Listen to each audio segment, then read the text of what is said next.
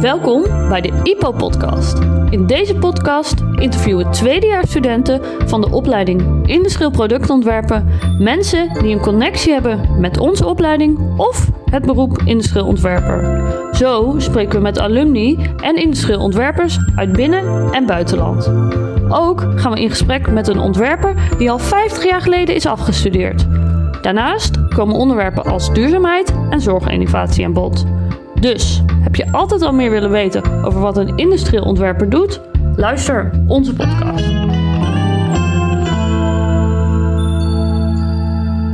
Hey luisteraars, wij zijn Perry en Meerte en wij zijn tweedejaars IPO-studenten. Voor deze podcast gaan we Joffrey interviewen. Hij is een oud IPO-student en tevens werknemer bij Felix Printers in IJsselstein. Super interessant, dus pak je bakje pleur erbij en veel luisterplezier. Nou, eh, hallo. Ehm, bedankt dat je mee komt doen met de interview. Eh, ik ken je natuurlijk al, want ik heb hier stage gelopen bij jou. En ehm, toen ben je mijn projectbegeleider geweest, mijn stagebegeleider geweest. Maar voor alle luisteraars die je nog niet kennen, eh, zou je even voor willen stellen? Ik ben uh, Joffrey. Ik doe de R&D in het bedrijf, zou ik zeggen. En daarmee studeer ik ook, of stuur ik ook studenten aan. En tegenwoordig hebben we ook IPO-stagiairs hier. Dus de cirkel is helemaal rond, zou ik zeggen. Ja. Van IPO-stagiair naar IPO-student. Nou, weer is het IPO-begeleider. En hoe lang geleden ben je al gestudeerd van IPO? volgens mij is het nu al drie jaar ongeveer, zoiets. Nou, al net drie jaar geleden. Oké. Okay. 2018. Hè? En um, hoe ben je op de opleiding terechtgekomen? Mm, ik had daarvoor uh, had ik het op MBO-niveau gedaan, industrieel productontwerpen. En eigenlijk wou ik wel iets hoger niveau nog, want ja, MBO is ook maar MBO uh, tegenwoordig. Dus toen ben ik HBO gaan doen uh, en daar sta ik allemaal aan door. Het past eigenlijk heel erg goed. En je hebt eigenlijk een soort, twee soort IPO'ers in het Nederland.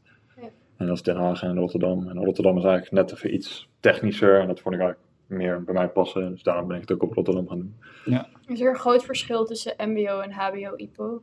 Uh, vooral de zelfstandigheid is gewoon uh, heel ja, anders. Bij MBO word je echt veel meer begeleid en wat je moet doen en waarom je dat zou doen. Yeah. En op een gegeven moment bij HBO is het echt meer van ja, je eigen kennis ook beginnen te ontwikkelen. En je eigen zelf kunnen beginnen te ontwikkelen. Want dat is echt super belangrijk ook als je de stap daarna naar het werken maakt daar zijn al menige mensen gestruikeld, nou, gestruikeld in ieder geval ook.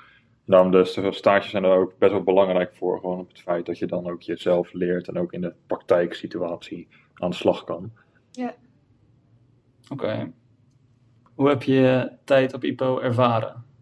Uh, ik vond het op IPO altijd wel, uh, wel leuk eigenlijk. Uh, gewoon ja, best wel relaxed. Iedereen is best wel open. En ook vooral dat ja, het fouten maken doet iedereen, maar wat je ermee doet is heel erg goed ik zie dat echt best wel veel bij, uh, ook van mijn uh, oud-klasgenoten, dat ze heel veel ja, een fout maken. Als ze een fout maakt, dan is dat niet zo heel erg.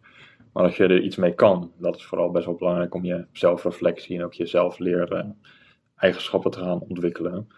Als jij uh, geen fout durft te maken, ja, dan maak je meestal helemaal niks, is het helaas. Ja. Dus ik heb best wel veel ja, goed gedaan op IPO, zou ik zeggen. En ook best wel veel fout gedaan. En daardoor ook goede feedback ja, constructieve feedback is altijd, uh, waar ze op school best wel veel op hameren. Dus dat is ook echt een ding in de realiteit. Uh, ja, je kan wel iedereen op afzeiken, maar ja, daar wordt niemand uiteindelijk beter van. Uh. Nee. Oké. Okay. hoe heb je de samenwerking tussen studenten vaak ervaard? Was dat heel erg close of was dat altijd wel een beetje afstandelijk? Mm, het varieert een beetje per groepje. Sommige groepjes matchten gewoon meer met andere groepjes. Je hebt ook wel eens uh, van die internationale studentengroepen gehad. Ja, dat matcht allemaal net even iets minder, omdat je elkaar gewoon nog niet kent. En dan werk je toch een stukje ja, professioneler samen dan dat je met je vrienden zou doen, bijvoorbeeld. Ja. Maar uiteindelijk had je meestal wel een beetje de groepjes uh, die bij elkaar samenwerkten. En dat je ook vaker met dezelfde persoon een beetje ging samenwerken. Maar ik vond het ook altijd wel leuk om met andere mensen, want iedereen heeft zijn eigen doen en kunnen. En Ja. niet iedereen is goed in het een en de ander is weer goed in het ander. Ja, en jij zegt net van ehm, met andere mensen werkt hij wat professioneler. Dus bijvoorbeeld met die buitenlandse stages. Of uh, ja, wat is het, studenten. Um, merkte je dan ook echt dat het project daar beter van werd? Of dat niet per se? Het was gewoon meer dat was gewoon minder... eh, Mm, niet zozeer beter, maar meer gewoon de manier hoe het ging. Dat het gewoon veel meer gefocust op wat het was, zeg maar. Jij met je vrienden, dan ga je ook in de kantine. En dan kan je af en toe een beetje off-topic gaan, zullen we maar zeggen. Van eh, ja, even een grapje of even iets anders. Eh, jongens, ik heb even geen zin meer, zullen we iets anders gaan doen? Maar met eh, internationale studenten heb je toch wel weer wat meer verantwoordelijkheidsgevoel, zou ik zeggen. Dat je gewoon ja, je concentreert op eh, wat je doet. En als het tijd voorbij is, dan gaat meestal iedereen ook zijn eigen kant weer op. Terwijl met je vrienden ga je misschien nog, eh, daarna nog even iets doen. Of zo. Maar was het voor een bepaalde periode? Of zeg maar, waren ze er voor een aantal maanden of zo? Of was het gewoon een klein project? Ja, volgens mij was het toen zeven weken max of zo. Het was een best wel klein eh, project. Maar dat was meer gewoon echt ja, een beetje de beginstadium daarvan, volgens mij. Waar je voor aan kon melden? Of, of deed iedereen daar aan mee? Nee, dat was, eh, je kon zeg maar je aanmelden om ergens heen te gaan.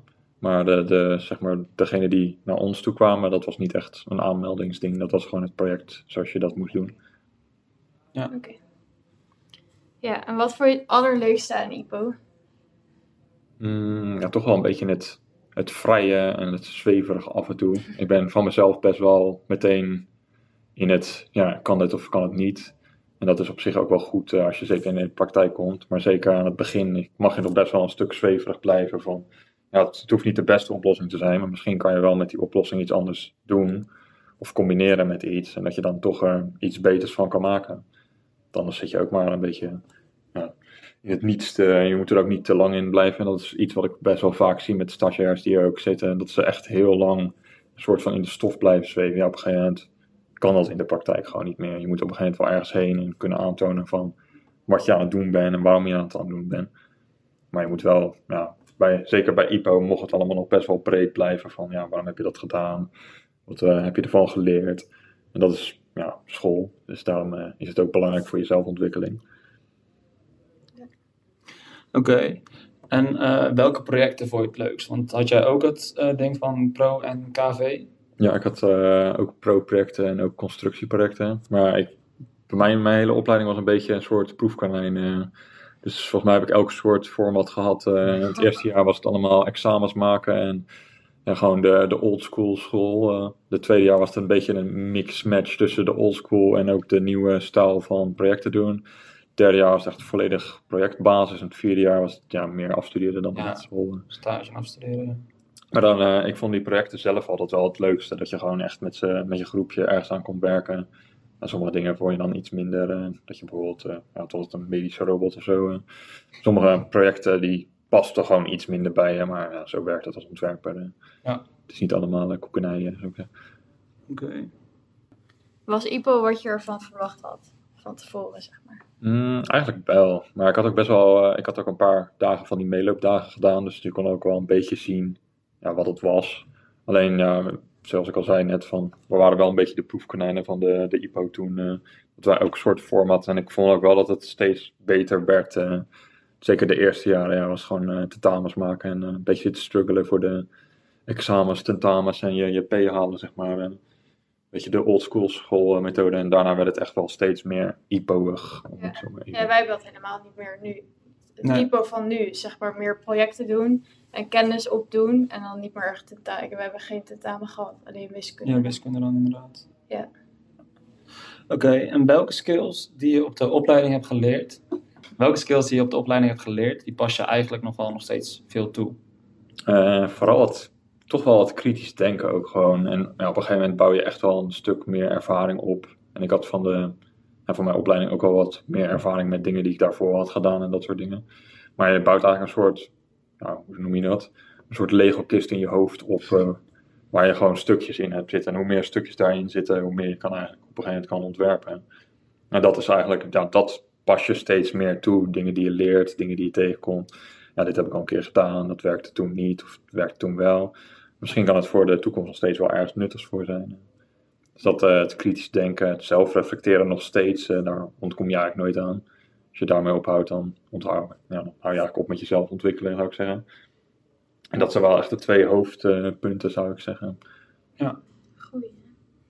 Eh, wat was de aanpak van het vinden van een leuke stage?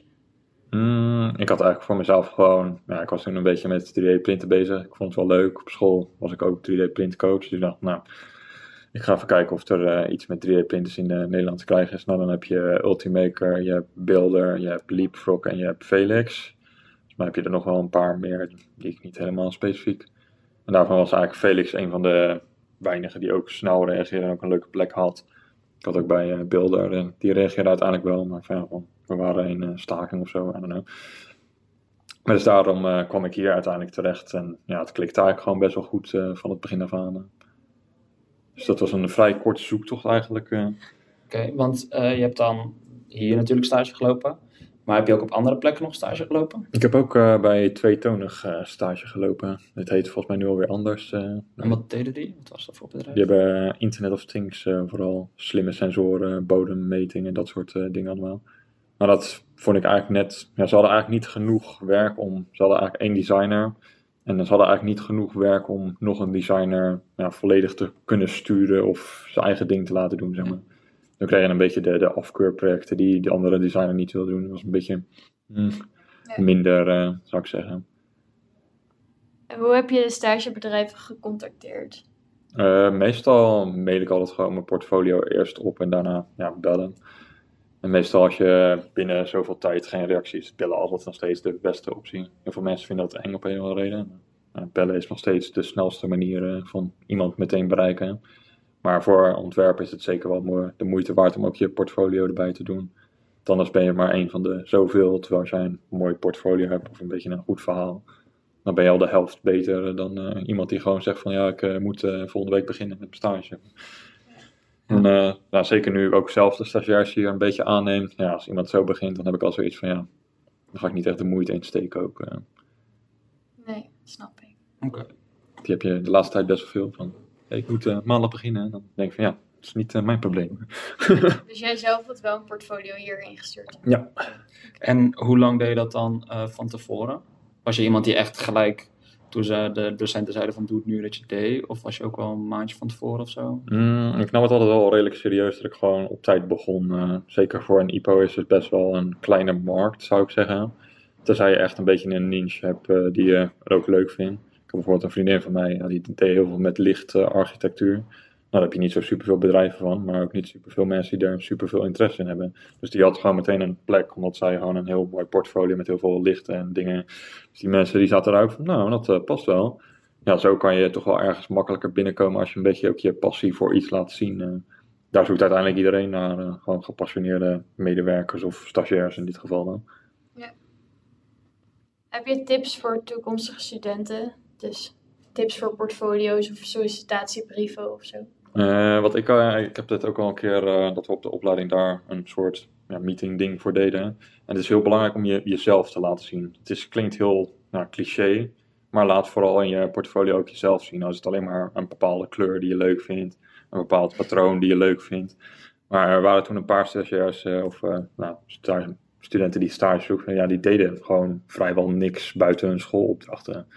Ja, als je dat alleen maar doet, dan moet je toch op een andere manier toch wel een beetje eruit springen. Anders komen de meeste bedrijven die benaderd worden, die krijgen elk jaar hetzelfde, zeg maar. Ja, dan wordt het voor zo'n bedrijf ook gewoon van, dit portfolio ziet er beter uit dan deze. Zo simpel is het dan. En dan heb je wel meteen meer kans om gecontacteerd te worden of contact op te nemen met zo'n bedrijf. Terwijl als jij gewoon de basic dingen in een Word-document zet en dan zegt eh, send, ja, sommige bedrijven werkt dat. Bij anderen hebben ze zoiets van, ja, misschien iets meer eh, moeite erin steken. Dat eh, beloont zich uiteindelijk wel eh, best wel veel. Oké. Want krijgen jullie heel veel sollicitanten of eh, zeg maar mailtjes binnen per periode dat jullie nieuwe mensen aannemen? Ja, wij hebben dan eh, niet superveel IPO'ers. De laatste tijd wel, omdat we nu ook, nou, sinds ik hier ben geweest, op de IPO-lijst ook staan. En heel veel mensen toch wel interesse hebben in 3D, de 3D-printers en de rest erbij. Het is allemaal wel super fancy eh, in je hoofd altijd. Maar dan, ook als je dan, dan krijg ik meestal een mailtje doorgestuurd van ja, kan je hier naar kijken naar een portfolio. En als ze dan een, gewoon een goed portfolio hebben, zeggen ja, daar wil ik wel een keer een gesprek mee doen.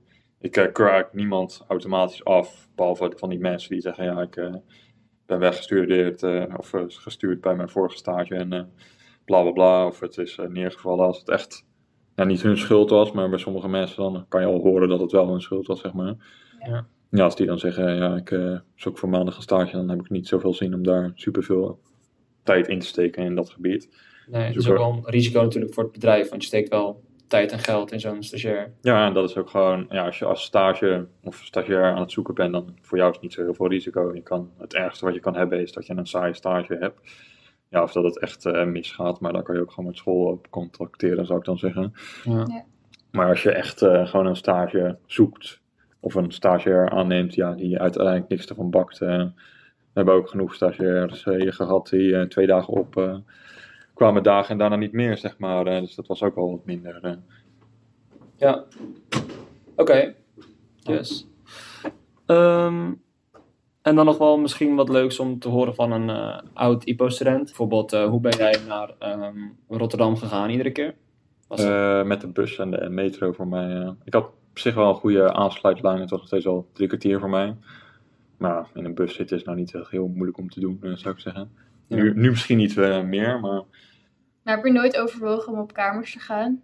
Want het is best wel een lange reistijd nog. ja, op zich eh, op kamers was voor mij niet zo heel interessant toen.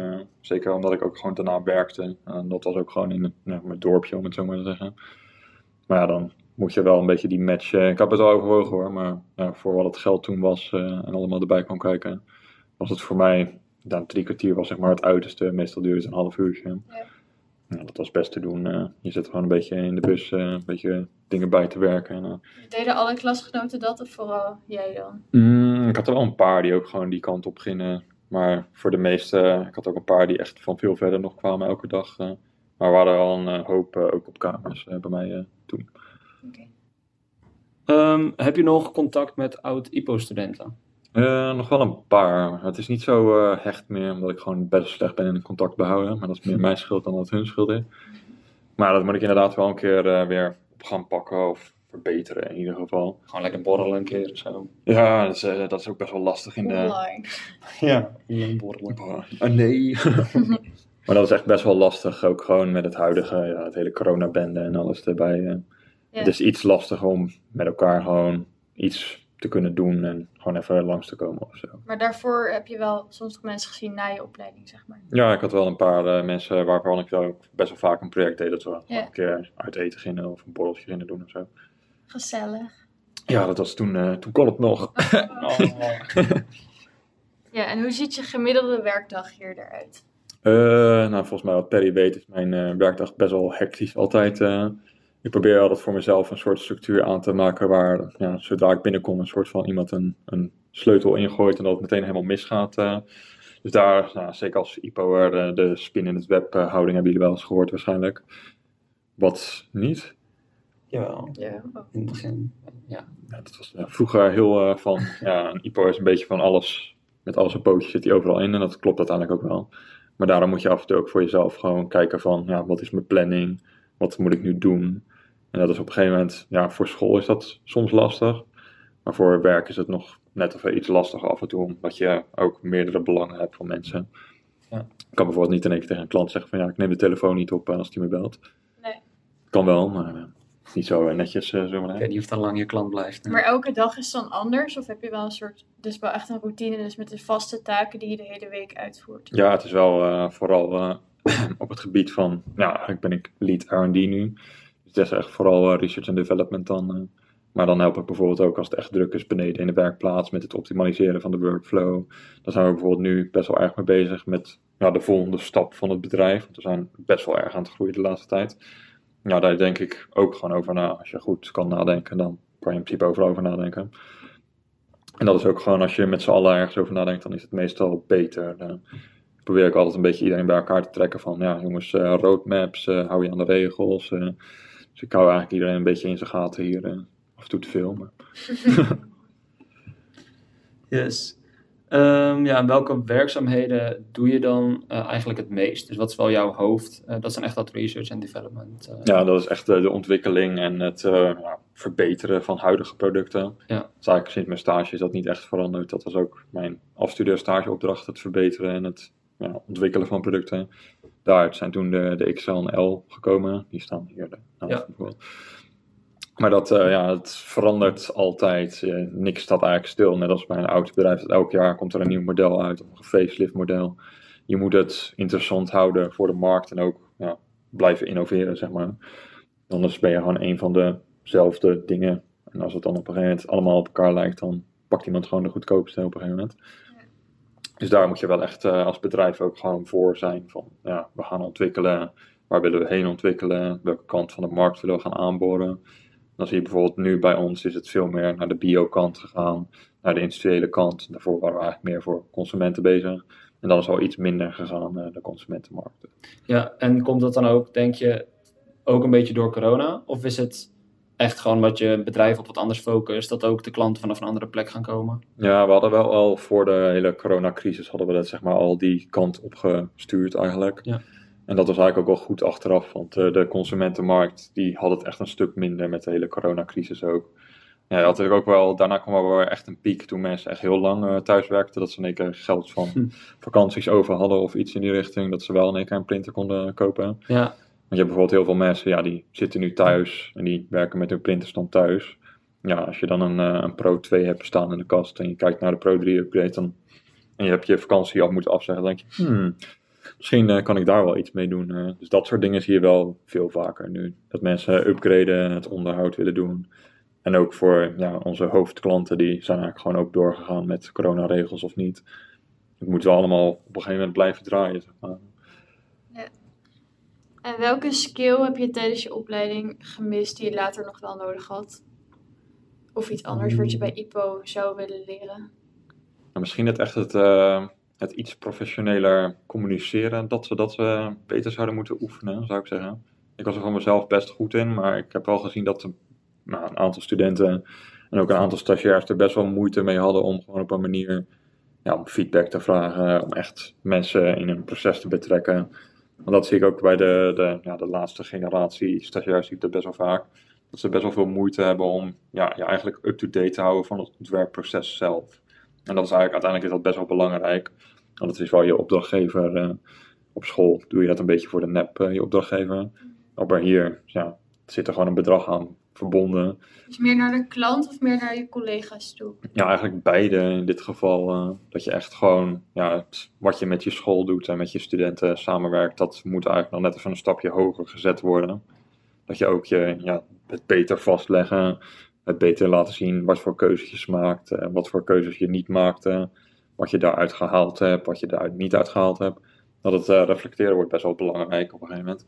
Dat doen we deze op school bij mij best veel. Maar het is nog steeds wel ja, iets wat je in de praktijk best wel vaak tegenkomt. Dat je, zeker bij stagiairs die nu aan het afstuderen zijn, dat je denkt van ja, het moet net even een stapje meer qua communicatie. eh. Ja. En Dat is ook wel in de coronatijd is dat iets lastiger. Maar ik kan dat niet als een volledig excuus eh, hebben, zeg maar. Weet je waar andere eh oud-studenten, waar die nu werken en of die eh ja, banen hebben waar ze echt naar gewerkt hebben op IPO? Ja, ik eh, weet wel, eh, vooral dat ik best wel veel via LinkedIn ook heb. eh, dus dan kan je best makkelijk zien waar mensen werken, wat ze daar doen. Dus het is best wel makkelijk om up-to-date daarvan te blijven eigenlijk. Oké, en heb je een paar voorbeelden van bedrijven waar IPO-studenten nu eh, werken? Ik zou het echt niet uit mijn hoofd eh, Nee. weten, heel eerlijk te zijn. Nee, ja, prima. Eh, wat is je meest bijgebleven van deze opleiding van IPO? Hmm. Zo, ja. ja, toch wel het, eh, het hele dynamische proces eigenlijk. eh, hoe het allemaal liep en hoe het allemaal af en toe niet liep. En dat het dan gewoon, ja, alles veranderde continu. En dat is eigenlijk wel een goede leerproces geweest ook voor de rest. Het blijft niet altijd hetzelfde. Ik weet dat school daar heel erg naartoe wil. Dat het allemaal via één lijn en via één baan allemaal eruit komt. Maar dat werkt eigenlijk niet eh, in de praktijk voor mijn beeld in ieder geval. Ja. En dat is wel maar echt, eh, het was altijd, het was altijd wel iets. Altijd wel iets spannends, altijd wel iets leuks. Soms eh, iets minder leuks, maar het was altijd wel een proces dat bleef gaan, zeg maar. Het was nooit, eh, ja, ja, het is eh, gefaald, ja, ben ik klaar mee. Het was altijd wel gewoon opbouwend bezig met iets. Oké. Oh ja, heb je nog tips voor de aankomende studenten? De laatste vraag. Op welk gebied? Ja, eigenlijk alles wat je kan bedenken. Heb je nog echt tips van een student van, eh, eh, qua werk zoeken, qua stage iets uit de zoeken? opleiding? Of, eh. Waar moet je focus op leggen? Doe je huiswerk. Ah, ja, huiswerk. ja, het is eh, de, de IPO, eh, of in ieder geval de HBO, te laat beginnen is best wel een ding dat heel veel mensen. Ik was er altijd nooit zo'n fan van, maar menige studenten die voelden wel de, de eindejaar week eh, rush van het moet nog even ingeleverd worden, zeg maar. Ja, probeer dat altijd voor te zijn, al is het gewoon voor jezelf, eh, zou ik zeggen. En eh, ja, fouten maken is ook niet altijd eh, fout, maar leer er wel van en doe er iets mee. Ik kan het eigenwijs dezelfde fout blijven maken, maar een ezel stoot zich niet twee keer aan dezelfde steen en dan moet jij ook geen ezel zijn. Ja, goeie. Oké, dus het is echt, ehm, ja, wat je zegt. Dus goed op tijd beginnen, vragen wanneer je echt iets niet, ergens niet uitkomt. Ja, het is ook gewoon, en dat heb ik voor mezelf, is dat best wel belangrijk, dat je een, een soort doel aan het eind hebt. En zeker in eh, deze tijd is dat helemaal, eh, dat je denkt van, eh, het is altijd goed om ergens heen te werken, zeg maar. Je wil altijd ergens heen ontwikkelen, je wil altijd ergens iets nieuws ontwikkelen, je wil altijd een bepaald ding krijgen of nou, willen hebben. Sommige mensen dat gewoon een vakantie aan het eind van het jaar, sommige mensen de auto. Maar zoiets, eh, maar dat soort dingen, dat zijn best wel gewoon goede doelen, gewoon realistische doelen die je kan halen, zeg maar. En dat is voor jezelf ook best wel belangrijk om realistisch over die doelen te blijven. Je kan eh, zeggen, ik word de nieuwe Elon Musk eh, of ik ga naar de maan. Ja, dat zijn, dat zijn van die dingen, hmm, ja, het moet enigszins haalbaar zijn voor jezelf. Het is juist beter, het kan wel je einddoel zijn, maar maak het dan bijvoorbeeld in meerdere stapjes, eh, dat je ook een soort van roadmap hebt om heen te ontwikkelen je eigenlijk hou je nooit op met ontwikkelen. En dat is ook voor iedereen. eh ja, Perry ken ik nu wat langer. Toen Perry hier eh, stagiair was, eh, daarna had hij ook meer kennis dan dat hij daarvoor als werknemer had. En nu nou, doet hij zelf IPO. Dus dan zie je ook gewoon het proces dat je een soort van onmoedwillig kan aansturen, zeg maar. Ja, Goeie. Oké. Nou ja, heel erg bedankt. Dit waren de vragen. En eh, ik denk dat de aankomende en huidige studenten hier zeker eh, wel wat aan gaan hebben. Cool. Dankjewel. Yes.